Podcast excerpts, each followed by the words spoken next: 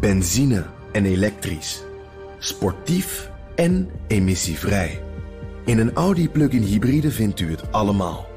Ervaar de A6, Q5, Q7 en Q8 standaard met quattro vierwielaandrijving. Wat u ook zoekt, u vindt het in een Audi. Audi. Voorsprong door techniek. Voor je begint met luisteren, eerst even dit. Ik ben Bas van Werf en ik maak samen met Carlo Brandsen BNR's Petrolheads. Een podcast over alles wat verbrandingsmotoren heeft en vier wielen. Misschien vind je dat interessant. Je vindt BNR Petrolheads op www.bnr.nl slash petrolheads... en op alle bekende podcastplatforms.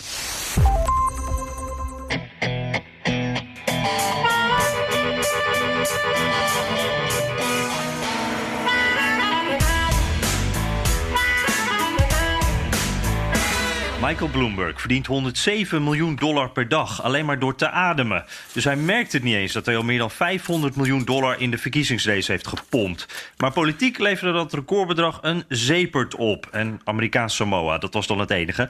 Uh, de Biden-campagne had geen cent meer te makken. Toch maakte hij een grote comeback. Dit is de 21ste editie van de Amerika-podcast. Ik ben Jan Posma en ik zeg het maar gewoon even. Ik heb de nacht van Super Tuesday nog in de benen. Ik ben echt kapot. Dus ik zit hier met een extra grote beker uh, sterk Hollandse koffie aan de keukentafel in Washington. En ik ben Bernard Hammelburg, ook nog helemaal in de Super Tuesday maalstroom. En uh, denk aan het tijdsverschil. Voor ons is het misschien nog een toefje zwaarder in de BNR ja. Podcast Studio.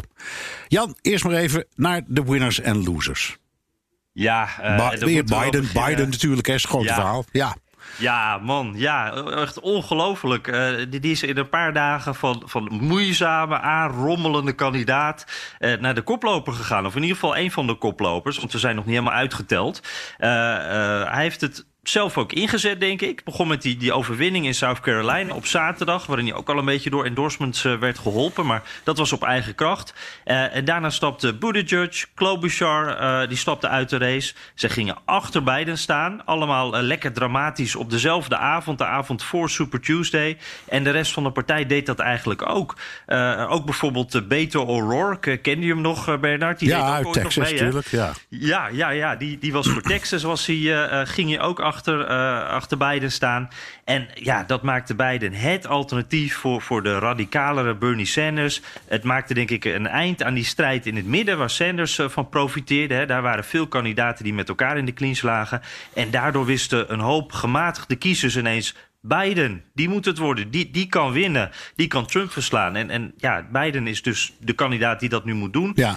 Um, met staten, Bernard, waarin hij niet eens campagne had gevoerd. Dus een ongelooflijk verhaal. Ongelooflijk verhaal. En, en, en daar komen we direct nog wel over te spreken. Michael Bloomberg met al zijn geld. En dan, Ja. en, dan, en dan Biden eigenlijk met bijna geen geld. Of soms ook op plekken, wat jij al zegt, waar hij helemaal geen campagne heeft gevoerd. Deed me een beetje denken aan Trump. Die eh, bij de vorige verkiezingen ook op een aantal plekken won waar hij helemaal geen campagne had gevoerd. Dus dat, Ja, dat, precies, Dat, dat, ja. dat is een heel apart verschijnsel. Ehm, Even één ding, hè. Dat, dat, wij hebben het dan voortdurend over endorsements, dus officiële steunbetuigingen van voormalige concurrenten, zoals Buttigieg en, uh, en, uh, en de andere, en, en Peter O'Rourke, die je zo, zojuist noemde.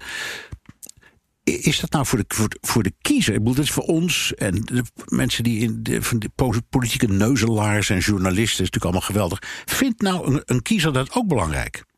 Of, Ja, of kijkt, ja, ja. De, kijk- kijkt een kiezer gewoon naar die vent die vertrouw ik meer, of die vrouw die vertrouw ik minder, of ga zo maar door. Ja, ja nee, ik, dat is inderdaad. Ik, ik dacht van tevoren ook, moet ik eerlijk zeggen. Nou, die, die eh, eh, ik zeg maar even, de elite van de Democratische Partij kan dit wel vinden. Maar eh, wat vindt de kiezer? Gaan die er wel in mee? Maar dan kijk je bijvoorbeeld naar een staat als Minnesota. Ehm, daar heeft Biden dus niet campagne gevoerd. En daar was Amy Klobuchar komt daar vandaan. En die, die steunde hem. Nou, die staat die ging dus naar, eh, naar Biden nu. Dus, Ja, dus dan ja. heeft dat wel degelijk geholpen. Ja, en ik denk dat- dat het ook was, die, die speciale situatie nu. Hè? Al die democratische, eh, democratische kiezers kijken allemaal... wie kan Trump verslaan? Nou ja, en nu is er dan eentje die opstaat... dan gaan ze allemaal daarachter. Ja, ja, ja, daar heb je. En we hebben natuurlijk altijd de neiging. eh, als Nederlanders om veel te veel naar het macro-plaatje te kijken. Heel Amerika, heel Nederland, heel Frankrijk. Terwijl uh, die voorverkiezing is nu echt een micro-verhaal. Dat voorbeeld van Minnesota is eigenlijk heel goed. Het vertelt het hele verhaal. Uh, want daar kan één mevrouw die zegt: stem nou op meneer Biden, de doorslag geven.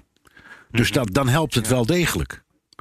Ja, dat, dat gevoel heb ik wel. Maar daarnaast ook wat jij zegt, die kiezers uh, die, die doen het ook zelf. En bijvoorbeeld die zwarte kiezers, die Ja. een hele lijn door het zuiden lopen, hè, waar, waar Biden gesteund wordt. Dat zijn ook veel die, die Afro-Amerikaanse stemmers natuurlijk, die ook gewoon duidelijke mening hebben. Ja, en ehm, de, hij heeft ook eh, enorm eh, steun gekregen van belangrijke politici uit de zuidelijke staten, die, die hem ook ondersteunden.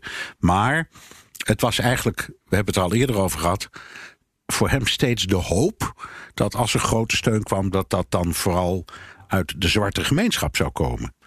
Ehm, ja, ja. Ehm, dat is waarschijnlijk omdat hij. Nou ja, heeft op, dat, op dat punt heeft hij echt gewoon eh, een uitstekende naam. Hij was de vicepresident onder een zwarte, eh, onder een zwarte president, allerlei dingen mee.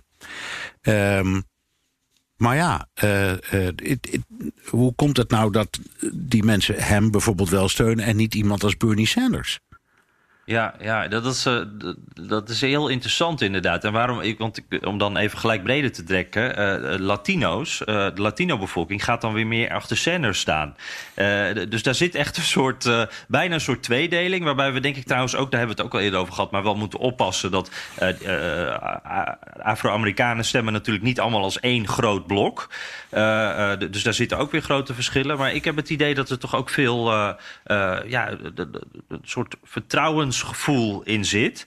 Ik ben benieuwd wat jij ervan vindt. Maar zoals ook eh, Bill Clinton bijvoorbeeld altijd toch eh, als een soort, ja, eh, ze ze zeiden dan wel de- eigenlijk de eerste zwarte president als, als blanke Ja, Amerikaan. Da- daar zit echt heel veel gevoel bij. En ik heb het idee dat er bij beiden dus ook heel veel gevoel, veel sentiment zit. En, en dat er ook, wat jij al noemt, dat hij dus die vicepresident onder Obama is geweest. Dat, dat, dat het gevoel dat daarbij hoort, dat dat heel belangrijk is Ja. geweest. En dat het dus niet meer om sentiment dan om beleid Ja, bijvoorbeeld dat gaat. is waar. Dat vergelijk met Clinton vind ik inderdaad prachtig. Ehm, en ik, weet, ik herinner me nog ook heel goed waar Clinton die geweldige naam aan te danken had. Eh, namelijk uit echte, oprechte innerlijke overtuiging. Hij, hij kon prachtig zelf vertellen hoe die is opgegroeid in segregatie. Dus een complete rassenscheiding met aparte scholen. En hoe die dan in de kersttijd. ehm, eh, maaltijden ging rondbrengen in zwarte buurten. Als jongetje al. Ja. Dus die had het Ja, echt. ja. Die had het echt in zich. En daar, die, wat je ook van die man denkt. En nou ja, hij heeft zo, ik zal maar zeggen, in zijn carrière niet altijd de waarheid gesproken. Eh, maar dit was echt. Dus de, de, de mensen, Amerikanen, zagen hem als een compleet kleurenblinde man. En dat heeft stemmen getrokken. Hetzelfde gold trouwens ook, vergeten we nog wel eens, van een heel andere laken en pak, voor George W. Bush. Wat je ook van die man vindt, hij was volstrekt kleurenblind. Eh, dus, dus mensen voelen, eh, in elk geval zwarte Amerikanen voelen zich daarbij thuis. En de andere hebben het vorige keer ook al over gehad. Wij moeten inderdaad uitkijken dat we niet minderheden op één hoop gooien. Hè? Latino's of, eh, of, of zwarte of moslims of joden of eh, eh, evangelische mensen. Die hebben allemaal hun eigen opvattingen en ideologieën. We moeten dat niet op één hoop vegen. Ja, ja, ja. En, en- en jij noemde net al eventjes eh, Clinton, de, de comeback kid, hè? Dat, Ja. dat is zijn bijnaam. Hebben we dus nu een nieuwe? Ja, dat zou best eens kunnen. Kijk, bij, bij, bij Clinton was het anders. Hè. Toen was nog de regel dat iemand kon alleen president worden als die ook New Hampshire had gewonnen. Dat was een van die statistische dingetjes waar Amerikanen gek Ja. op zijn. Dus om, je kon niet omdraaien. Het betekent niet als je New Hampshire won dat je ook president werd. Maar als je president was geworden, kon dat alleen als je New Hampshire had gewonnen. En dat is bij Clinton mislukt. Dus er was een tegenkandidaat, meneer Tsongas. En die heeft toen gewonnen en Clinton werd daar tweede. En heeft van daaruit toch die tamelijk magistrale overwinning behaald. En daar die naam, de Comeback Kid, aan te danken. Eh, Tegenwoordig geldt die regel helemaal niet meer. Dat heb je nu ook gezien. Eh, Biden heeft het slecht gedaan in de eerste eh, twee rondes. En nu plotseling ja, uitstekend. Met tien gewonnen staten op zijn minst van de veertien. Ja, ja dit, dit is eigenlijk, ik heb het gevoel, dit is eh, nog meer een comeback kit eigenlijk, hè? Ja, en eh, het heeft natuurlijk ook heel veel te maken met. Nou, we direct nog wel even over, denk ik. Over de, de, de positie van, van, van Sanders. Maar wat, wat, als je nou moet kiezen tussen die twee, hè, dan heb je aan de ene kant. Uh, uh, Bernie Sanders, een, een, een, ik zou maar zeggen, een linkse populist. Lijkt dus heel veel op de rechtse populist Trump. Mm -hmm. Met allemaal hele eenvoudige ja, onderwerpen. Loon, belasting, um, zorg voor veteranen, um, de benzineprijs. Het gaat allemaal over gewone dingen. Ja, uh, en, en ik, uh, ja, dus ik kan me voorstellen. Als, ja, maar, maar heel veel van uh, die, de, de, de, de, de Biden-stemmers komen ook. Ja, die, die, die, die hebben de overwogen. Zal ik nou toch voor Bernie gaan? Want het is duidelijker. En misschien ook radicaler en makkelijker. Waarom zijn ze dan toch naar, ik zou maar zeggen, het wat conservatieve midden getrokken van, uh, van Biden? Is dat, denk jij, omdat ze denken, ja, uiteindelijk gaat het niet om wat je op dit moment voelt als het meest aansprekend, maar wat je strategisch denkt dat je beste kans is? Ja, precies. Ik, dat is het precies volgens mij. Ook uh, wat ik de afgelopen ja, eigenlijk weken in, in alle staten waar ik geweest ben, steeds teruggehoorde. Uh, minstens de helft van de kiezers zeggen: het belangrijkste vinden we dat Trump uit het Witte Huis gaat. En dan maakt het eigenlijk bijna niet zoveel meer uit wat voor democraat, wie in het Witte Huis terechtkomt. Uh, we willen Trump vervangen. Dat, dat is gewoon het belangrijkste. Ja. En ja, ik, ik zal ik meteen even, want we hadden ook een goede vraag gekregen Ja, van, van Harmen uh, Rebel uit Zweden. Oh, die heeft, wel eens, die, heeft, die heeft al wel meer eerder. eh, ja, leuk. Fijn om weer van Ja, te dus horen. altijd Ja. goed. Ja, nou, en die, die sluit hier heel goed op aan. Die vraagt zich af, eh, heeft Biden niet een probleem straks tegen Trump... als hij straks de kandidaat zou worden? Hij zegt, eh, ik vraag me dit af, aangezien er geruchten over Biden zijn... naar aanleiding van corruptie in Oekraïne... maakt dit Biden een makkelijke prooi voor Trump? Zou het zelfs zo kunnen zijn dat de campagne van Trump... een onthulling in de vorm van bewijs in het verschiet heeft... wanneer Biden inderdaad de kandidaat wordt? Eh, vriendelijke groet uit Zweden van Harman. Ja, dat is wel een goede, Bernard. Ja, ik, ik vind het enorm goed. Dat laatste overigens, ze komt er nog een verrassing. Hè, dat, dat, dat, dat is een bekend thema, hebben we eens eerder over gehad. Er bestaat in de geschiedenis van Amerikaanse verkiezingen iets dat wordt genoemd de October Surprise. Dus dat iemand op het laatst nog met een enorme onthulling eh, komt. Zoals. eh, vlak voor de vorige verkiezingen de onthullingen van de FBI over, de, over Hillary en de, de e-mails. Hè. Dat zijn dan van die dingen die op het laatst komen, of over de rol van Rusland. Dat kan enorm invloed, dat kan nog een zwenk geven. Eh, het eerste deel van de vraag vind ik uitstekend. Eh, want eerlijk gezegd, als ik het zo voor me zie, Jan. eh, ik kijk naar. Heel veel wordt beslist in debatten. Dat zijn er meestal drie als na de conventies, dus als de genomineerde kandidaten er zijn. En dan zie ik Trump tegenover Sanders. Nou, daar zou Trump nog wel even een, echt een stevig rolletje moeten vechten. En dat heeft Trump ook zelf wel een aantal keren gezegd. Hij zei: Ik zou best in de ring willen tegen Bernie. Dat vind ik wel een leuke man. En we zijn het radicaal oneens. Daar kan je fijn mee debatteren. Met ehm, eh, Biden wordt het veel lastiger. Want A is dat een hele slechte debater. Ehm, en in de tweede plaats, ja, reken er maar op dat al dat gedoe over Oekraïne en de zoon van Biden, Hunter, en dat corruptieonderzoek, eh, wat toch een hoofdrol speelde in de impeachment-hoorzittingen, ja, dat gaat Trump natuurlijk allemaal gebruiken. Reken maar. Ja. Dus het wordt een hele lastige. Ja, ja, inderdaad. Dat, dat wordt denk ik echt. eh, dat is het eigenlijk nu al. Hè? Want Hillary Clinton had de e-mails en had Benghazi. Dat werd eh, tot, tot, eh, tot eindeloos werd dat herhaald. En dat bleef ook echt aan haar kleven. Hoewel er bijvoorbeeld met die e-mails. Nou ja, op een bepaald moment houdt het ook een keer op, zou je zeggen. Lock her up, dat is nooit gebeurd. Maar dat heeft echt wel zijn werk gedaan. En wat nu betreft, over Biden. een paar uur na zijn overwinning op Super Tuesday hoorden we van Republikeinen in de Homeland Security Commissie Binnenlandse Veiligheid in het congres. dat ze in een paar maanden een tussenstand gaan uitbrengen van hun onderzoek naar Biden. Dus het gedoe met Hunter Biden en Joe Biden. Eh, waar trouwens tot nu toe het is natuurlijk allemaal heel schimmig en, en ik denk ook onethisch. Maar er is niks strafbaars gevonden, helemaal niet richting Joe Biden. Eh een Republikein uit die commissie zegt... ja, wij vinden dat de democratische kiezer die info moet hebben voordat ze kiezen.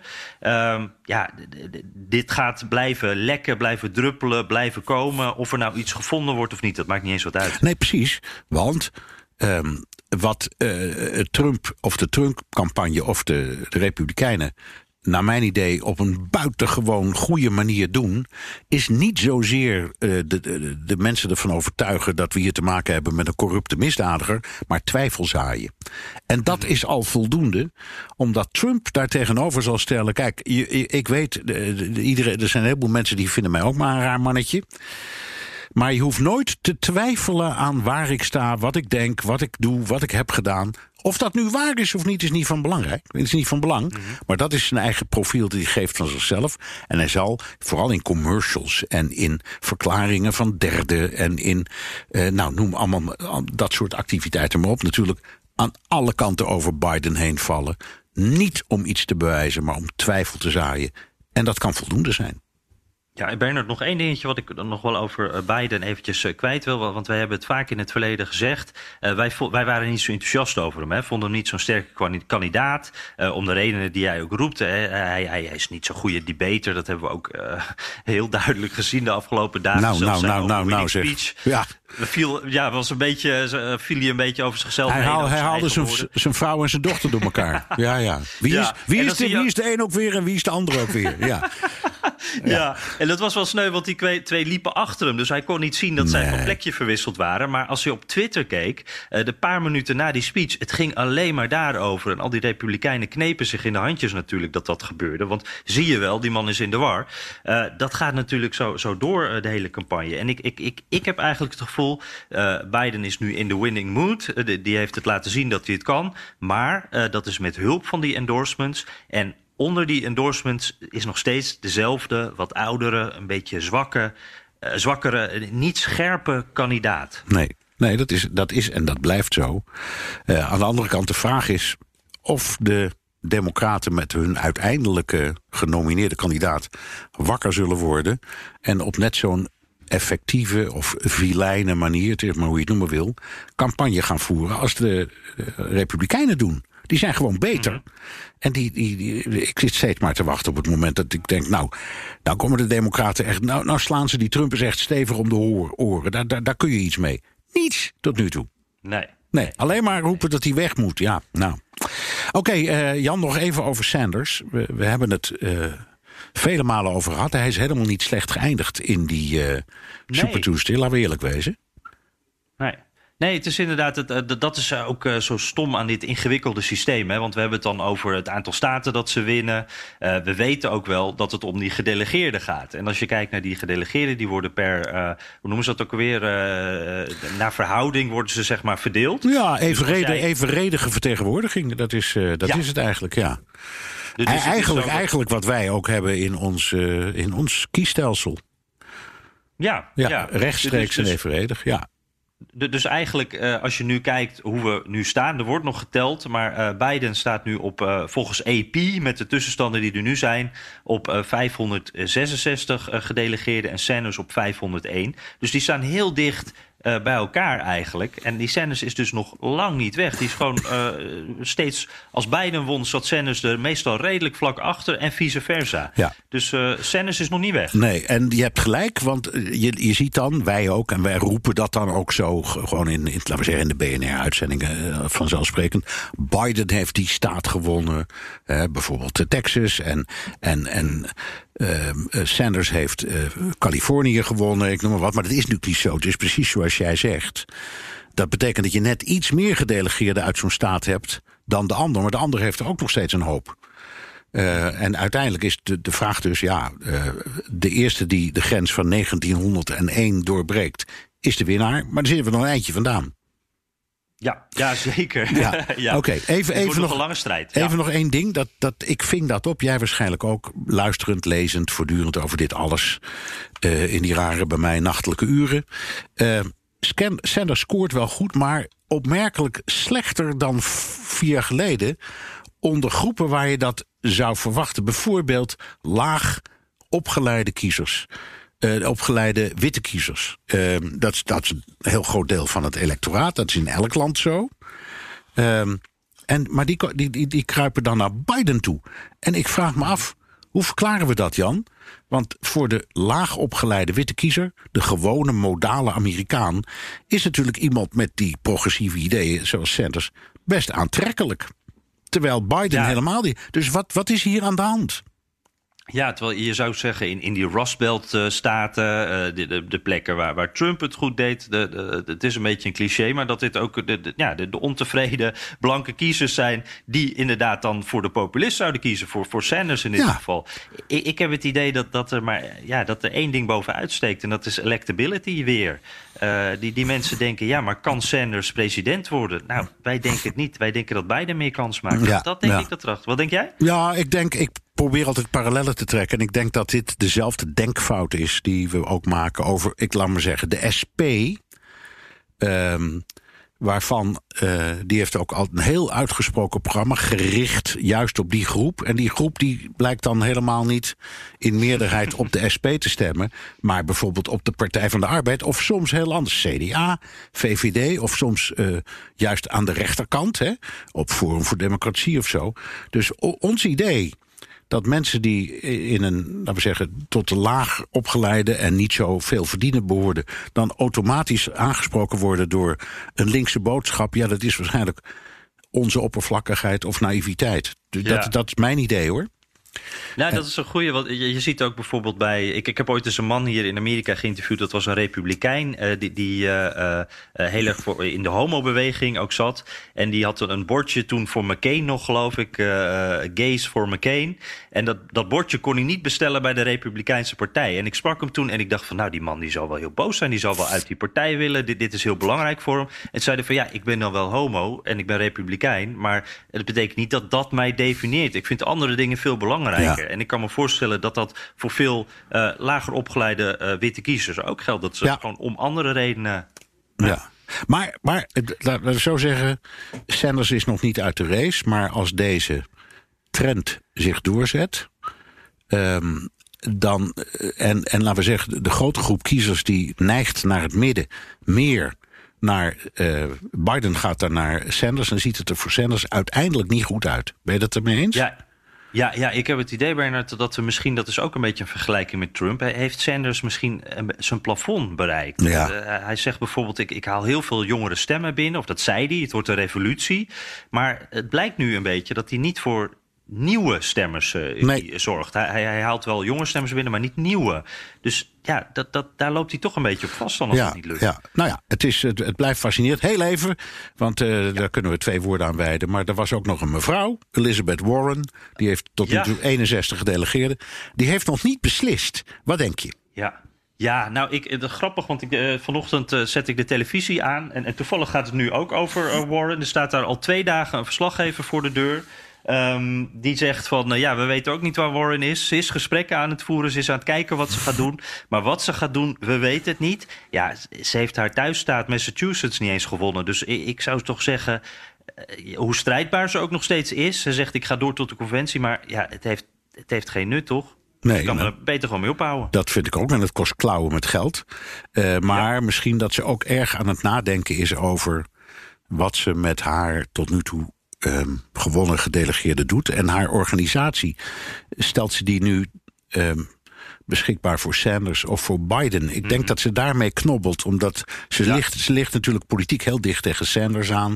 Aan de andere kant, waar jij ook al op wees, uiteindelijk is het het belang van de partij om iemand te hebben die, kies, die, die, verkiesbaar is. Dus ik denk dat ze daar achter die gesloten deur over zit tobben. Kan bijna Ja. niet anders. Het lijkt me ook heel moeilijk, eerlijk gezegd. Lijkt me Ja, ook heel zeker, moeilijk. Als je zo. Die vrouw heeft hard gewerkt hoor. Hier. Echt een fantastisch campagne gevoerd. Dus het lijkt me ook wel heel bitter en heel hard.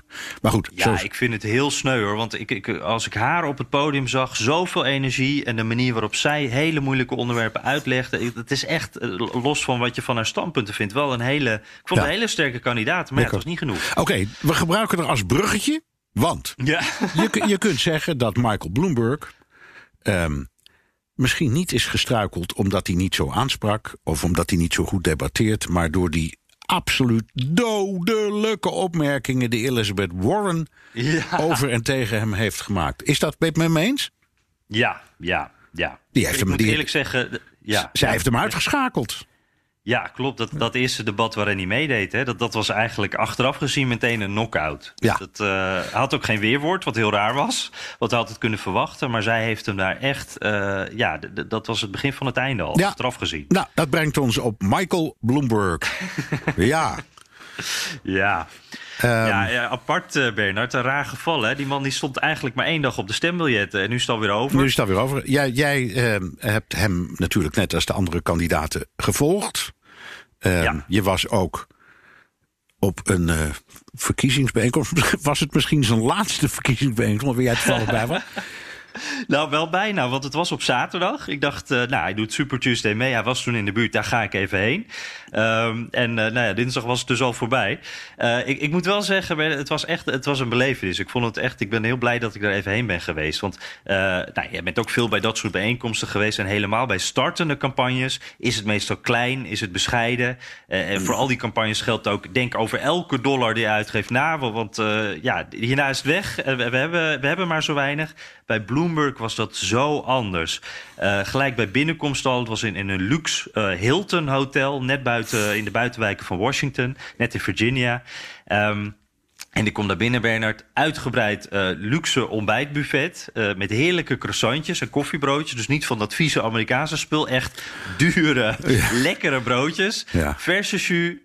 Heerlijke verse koffie, uh, uh, gezonde fruitspiesjes. Uh, allemaal gratis en echt in overvloed. Daarna kon je een gratis t-shirt halen. heel veel gratis campagneborden die werden uitgedeeld. Echt heel veel. En in de zaal een, heel, een mooi podium met twee heel grote schermen ernaast. Het, was een beetje alsof hij Lady Gaga of, of de Rolling Stones zelf was. En op die schermen zag je dan hele gelikte filmpjes, hele mooie graphics. nou, ik, ik kan nog even zo doorgaan. Het is eigenlijk een beetje, je hebt dan, ken je de term glamping, luxe oh, ja. kamperen. Ja. Dit, dit, was een beetje glampaining, luxe campagne voeren. en, uh, en er was eigenlijk maar één zwakke schakel. En dat was die Bloomberg zelf, want hij hield zijn speech. Ja, niet heel charismatisch. Uh, hij, het kon allemaal net, maar het hield allemaal niet over, uh, Bernard. Thought it was great. First time I've seen him in person, and he's even more impressive. Very inspiring. Very, very inspiring. He can beat Donald Trump, and I think he'd be a very good president. Somebody said to me a few weeks ago, this campaign's costing a lot of money. And I said, yes. And he said, you shouldn't spend all that money. I said, well, I'm spending it to remove Donald Trump. He said, oh, spend more. So there are people who say he's buying this presidency or he's buying the candidacy. What, what do you say to those people? M- money's been involved in politics in the United States for a long, long time. It's going to take a lot of resources uh, uh, to beat Donald Trump.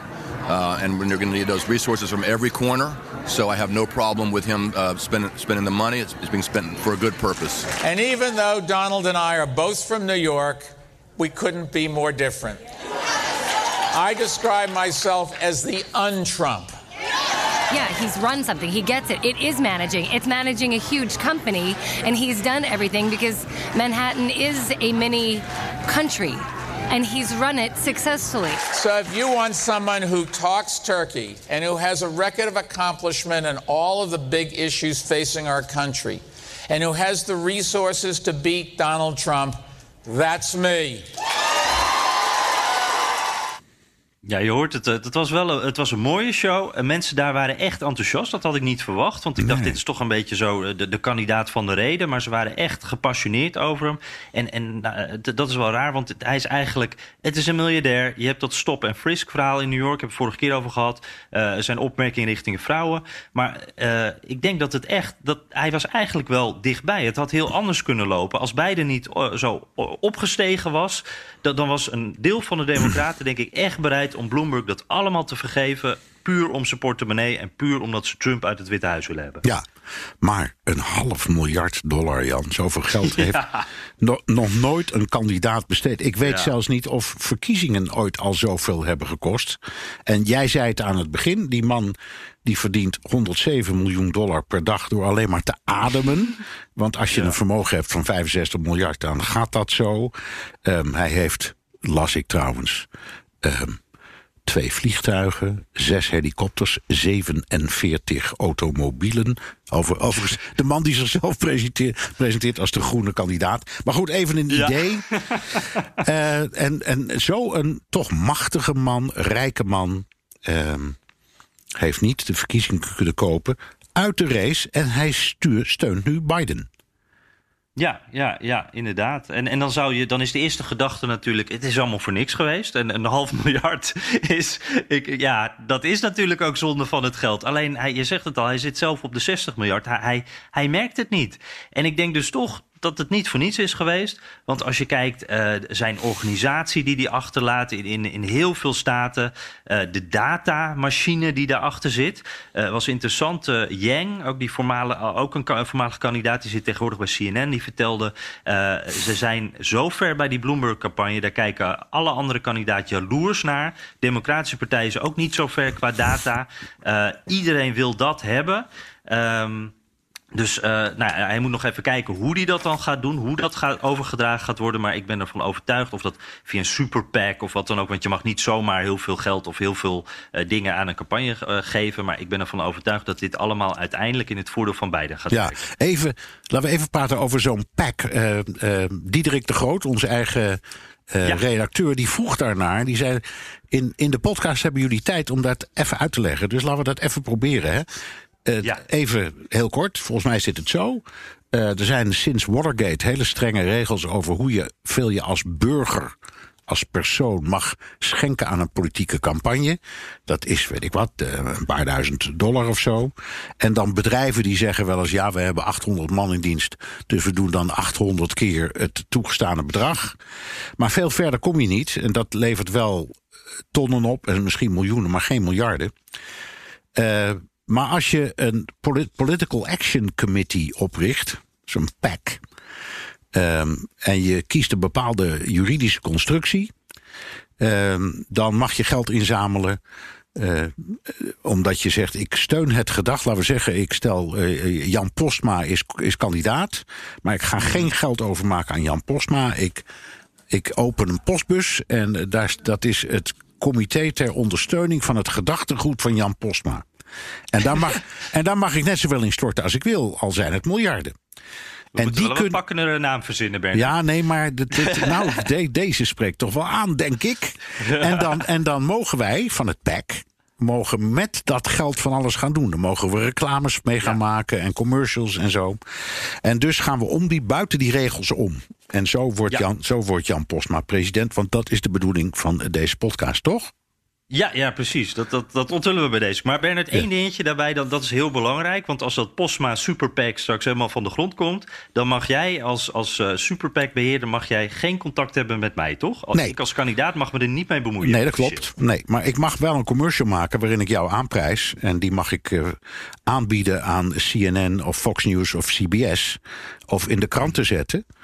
Uh, en daar staat dan ook keurig onder. Uh, dit komt van het Superpack. En uh, ja. dus degene die, die, je kunt, die je kunt afrekenen heet Bernard Hammelburg en niet Jan Postma.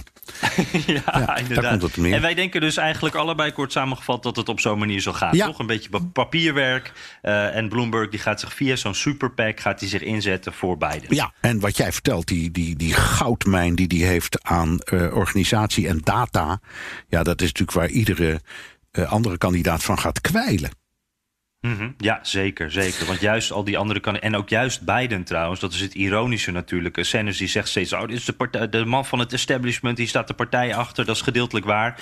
Maar die Biden die heeft geen geld en uh, uh, die Biden heeft ook qua organisatie, uh, stelt het allemaal minder voor dan je zou willen, zeg maar. Ja. dus die zal er echt wel van profiteren. Ja. Oké okay, Jan, waar staan we in de race? Want er moet nog het een en ander gebeuren. Ja, ja, ja. Nou, laat ik eerst maar even zeggen. Uh, het wordt, wat mij betreft, uh, het wordt nog een lange strijd. Want die uh, Biden en Sanders, we zeiden net al, qua gedelegeerden staan ze dicht bij elkaar. Het wordt een strijd tussen deze twee mannen. die willen allebei niet opgeven. Het is ook een richtingenstrijd binnen de partij. Ze hebben echt reden om door te gaan. Dus ik, ik, ik denk dat we tot de zomer hier nog wel aan vastzitten.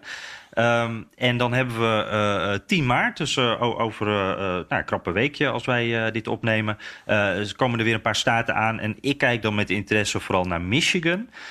omdat dat natuurlijk zo'n staat is die jij net ook noemde. Hè, met ook wat veel lager opgeleide blanke kiezers.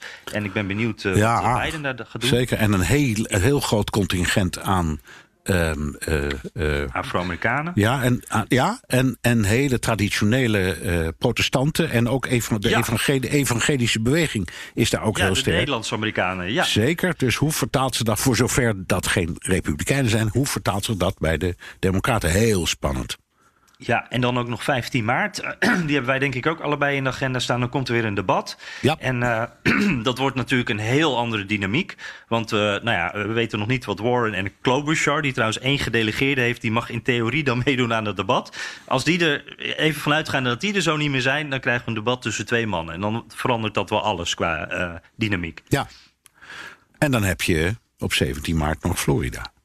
Ja, Een van de belangrijkste staten. En we zeggen altijd dat is misschien met Ohio en Florida zijn misschien wel de belangrijkste swing states. Dus nou, ja. En veel ouderen en veel Afro-Amerikanen ook weer. Dus eh, dat zou voor beide wel eens... Ja. eh, Oké, Jan. ehm, we dreigen het te vergeten, maar er bestaat ook zoiets als een Republikeinse partij. Met ook Oh ja. keurig met voorverkiezingen.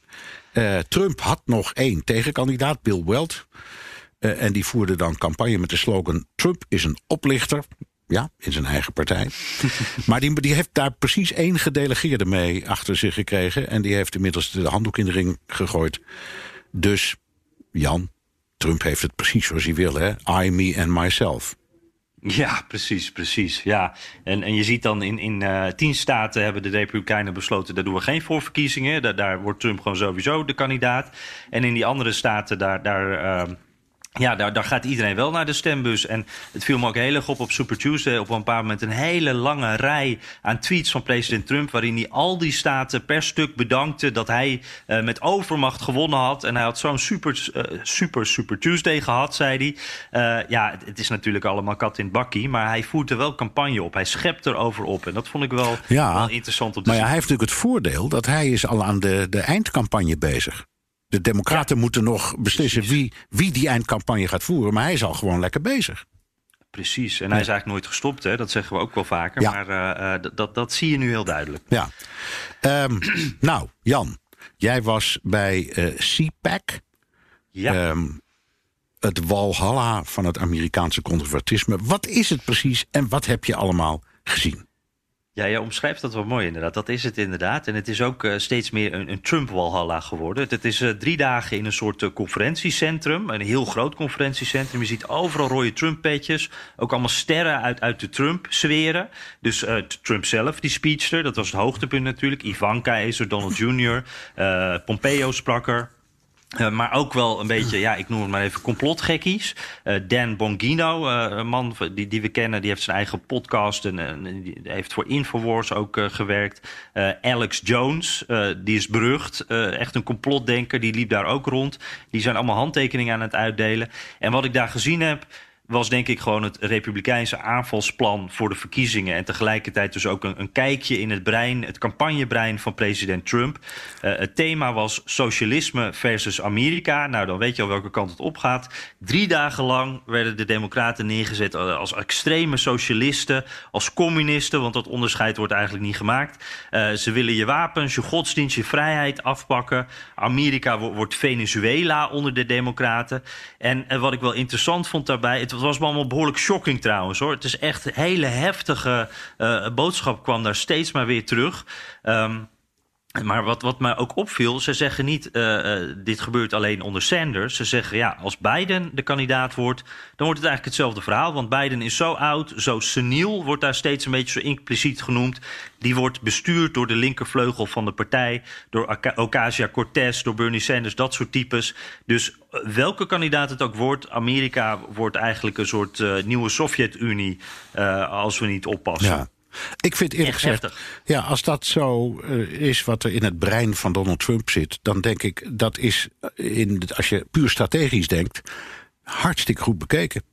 Zet, Ja. daar, zet daar maar op in, want, want je dwingt daarmee, uh, laten we even uit van, van uitgaan dat het Biden wordt, je dwingt hem echt in de verdediging. Ja, precies, precies. En wat ik ook heel slim vind, uh, Trump is natuurlijk in tweets daar al maanden geleden mee begonnen. Uh, t- toen ik ook nog een beetje dacht af en toe van, nou, dit komt een beetje uit de lucht va- vallen. Hier, hier vallen mensen denk ik niet voor. Maar inmiddels merk je, ik dacht ook meteen bij, toen ik daar binnen liep van, oh ja, dit, dit is wat, waar Trump het steeds over heeft. Ja. En die mensen worden echt, de achterban is dat dus echt, de harde kern van Trumpers, die worden daarmee gebombardeerd. Uh, en, en, bijvoorbeeld, uh, het ging over Europa op een bepaald moment, op de over de gezondheidszorg die wij hebben. En dat is natuurlijk omdat ze uh, hier nog steeds met Obamacare aan het klooien zijn, zal ik maar even zeggen. Um, en er was een panel en daar werd de gezondheidszorg in Europa werd er echt als een groot drama neergezet. Uh, uh, mensen die doodgaan omdat ze op de wachtlijst staan. Uh, de, de, de, enorme wachtrijen, slechte doktoren ook. Kwaliteit valt tegen. Het kost ook nog een keer heel veel geld. Dus eigenlijk, ik hoorde dat en ik dacht ook een beetje... nou, dit is wat ik denk bij een derde wereldland. Maar dit is niet wat ik denk bij Europa. En helemaal niet bij Nederland natuurlijk. Waar ik gewoon heel blij ben dat ik nog een Nederlandse zorgverzekering heb. Zo is het. Daar, daar kan ik tenminste betalen. Ja. Maar er werd een staande ovatie. Er werd gejuicht. Uh, dit is dus ook het wereldbeeld wat veel van die uh, Amerikanen hebben, in ieder geval in deze groep. En wat ze ook graag willen geloven. Dus ze krijgen het horen: Amerika is het beste. En Europa, dat is een socialistische heilstaat waar, waar wij niet achter. Dat, dat, dat, die kant moeten we niet opgaan. En er werd zelfs als voorbeeld gegeven, moet ik ineens aan denken. Uh, prinses Diana, die natuurlijk omkwam bij een auto-ongeluk in Parijs. Die had nog geleefd als dat ongeluk in Amerika was gebeurd. Want wij hadden wel de goede doktoren gehad. Nou, er werd geklapt daar. Uh, ongelooflijk. Jongen, jongen, jongen. Leuk. Ik bedoel, leuk. Het afschuwelijk vind ik het. maar ik vind het. Maar wij, wij, ja, dit gaat over strategie. En dit gaat over een strijd die wij echt op de seconde volgen. En dit zijn toch wel weer hele. Ik vind het een eye-opener wat je hier vertelt. Nou, het, het, is wel wat jij zegt hoor. Het is zo slim van Trump. Die speech ook van hem. Het was anderhalf uur entertainment. En als je dan fragmentjes ziet, dan denk je achteraf van, nou, waarom doet hij dat? Hij doet een beetje raar. Maar uh, daar in die zaal, mensen vraten het op. Uh, het was het absolute hoogtepunt. Toen hij even Bloomberg nadeed door uh, op zijn knieën te gaan achter het spreekgestoelte. Mensen werden wild. Aan het eind knuffelde hij de vlag nog even. Mini nou, Mike, hè, noemt hij hem. Ja, Mini Mike. Ja. Dat, dat vlagknuffelen, dat moet je als, als Obama dat had gedaan, dan, uh, nou, dan was hij impeached. Maar nu uh, het is het logo geworden van CPAC. Dus ja. pure Trump-adoratie. Oké, okay. laten we gaan naar luisteraarsvragen. Zijn we altijd heel blij mee. En ja. vertel, wat hebben we? Ja, we hebben een heleboel. Dus we gaan doen waar we aan toe, uh, wat we kunnen doen. En de rest schuiven we even door. Uh, maar wel allemaal dank voor het sturen. We beginnen met Kjeld Renshoff.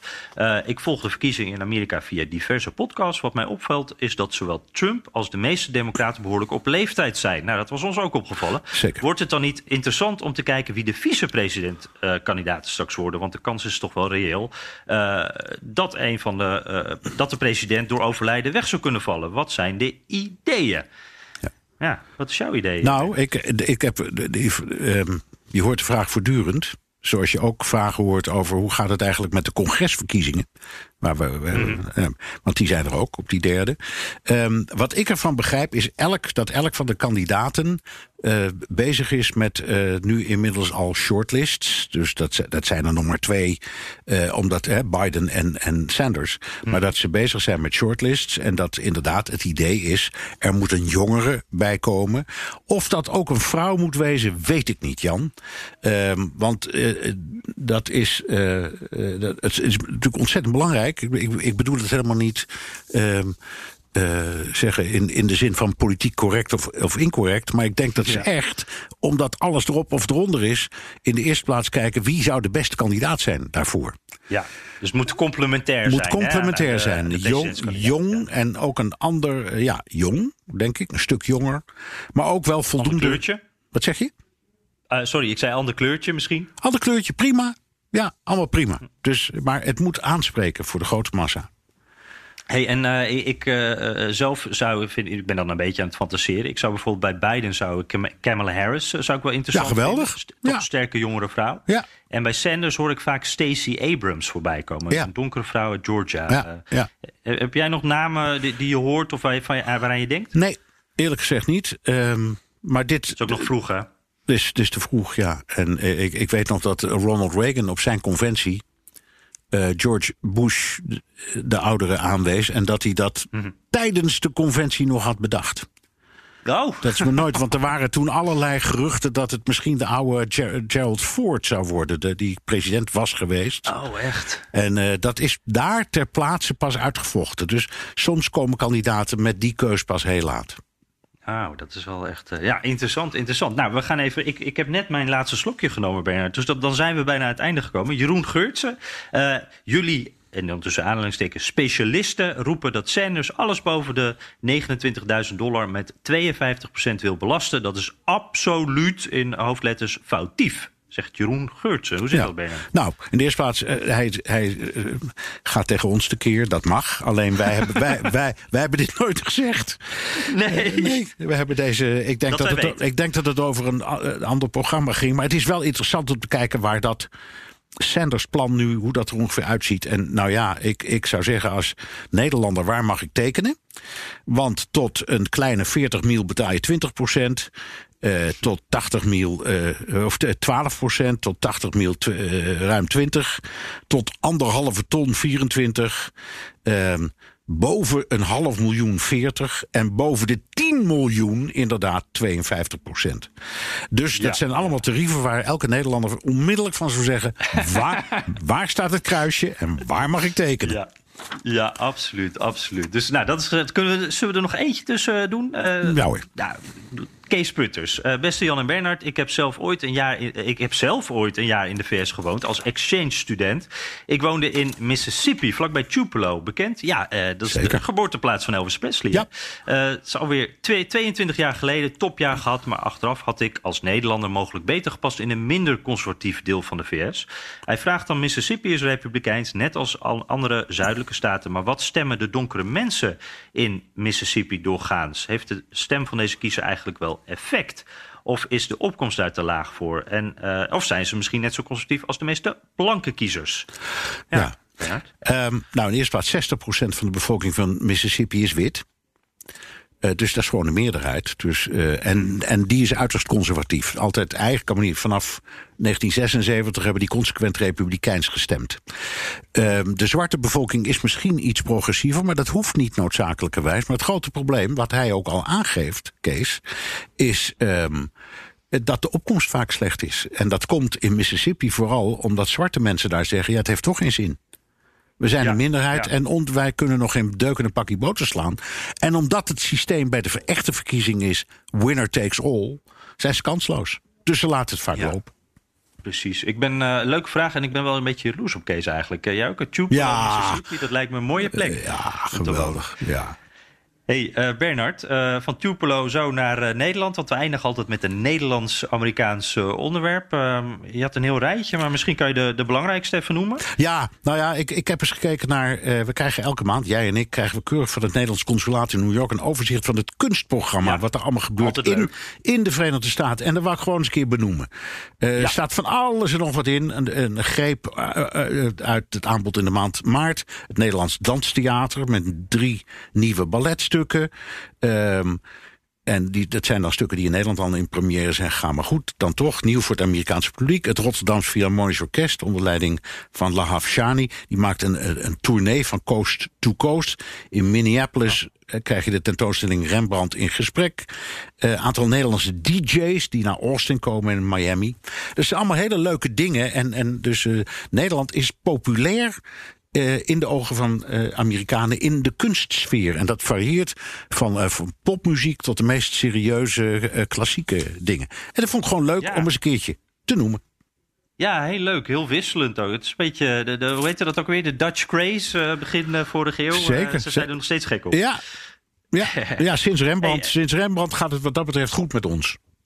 Ja, ja. dat was, eh, daar mogen we wel dankbaar voor zijn. Eh, met, die, eh, met die opmerking dan sluiten we maar weer af. Hè. Dit was hem weer, deze aflevering van de Amerika-podcast. Via de BNR-app of de site kun je heel makkelijk op de podcast abonneren. Kan ook via Apple Podcast of Spotify.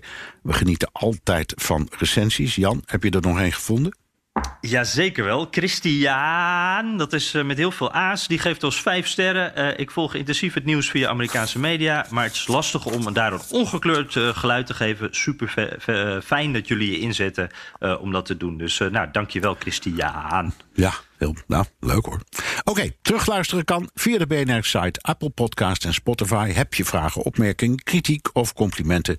Dat kan ook met een tweet naar underscore Jan Postma underscore of BNR De Wereld of heel ouderwets met een mailtje naar dewereld.bnr.nl.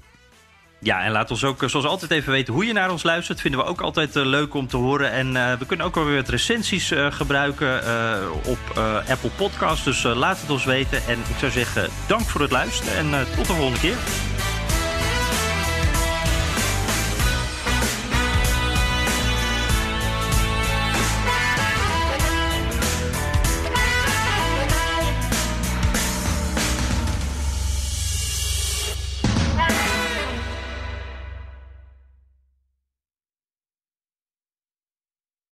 Benzine en elektrisch. Sportief en emissievrij. In een Audi plug-in hybride vindt u het allemaal. Ervaar de A6, Q5, Q7 en Q8 standaard met quattro vierwielaandrijving.